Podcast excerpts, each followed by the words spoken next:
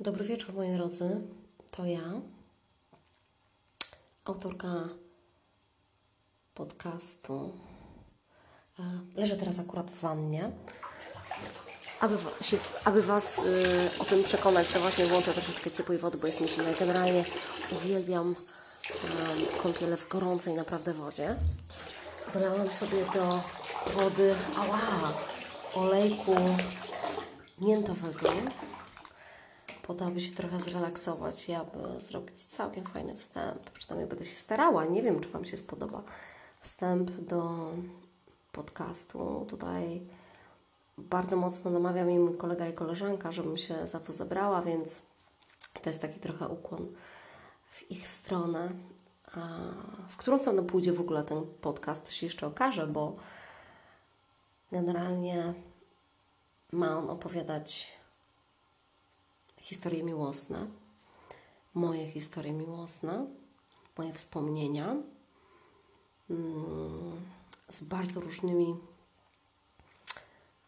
mężczyznami, tylko i wyłącznie mężczyznami.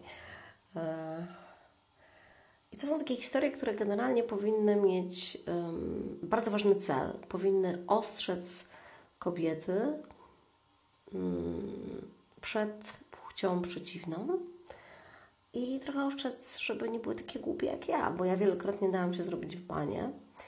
E, oddałam całe moje serce, a na koniec zostawałam na lodzie, ale no też nie byłam taka święta oczywiście. Ale może teraz tak od solidnego początku warto zacząć. Mam 44 lata, jeszcze 44, w kwietniu, w kwietniu będę miała 45. E, Nie znoszę tego najlepiej, muszę Wam powiedzieć uczciwie, bo starzenie dla kobiety jest e, generalnie rzeczą niełatwą. Pomimo tego, że staram się dobrze trzymać, mocno konserwować, dbać o siebie, to, to zawsze mam takie poczucie, że to jest, e, że biologia jest cholernie niesprawiedliwa. Dlaczego to my kobiety w pewnym wieku e, mamy obwisłą skórę, a mężczyźni zdecydowanie mniej? Dlaczego to my kobiety w pewnym wieku już raczej nie mamy szans na, na potomstwo, a, a jak to widać w naszym polskim show biznesie, panowie nawet w wieku 70 kilku lat zdecydowanie mają. To jest, to jest niefajne, to jest takie poczucie, że my już się starzejemy.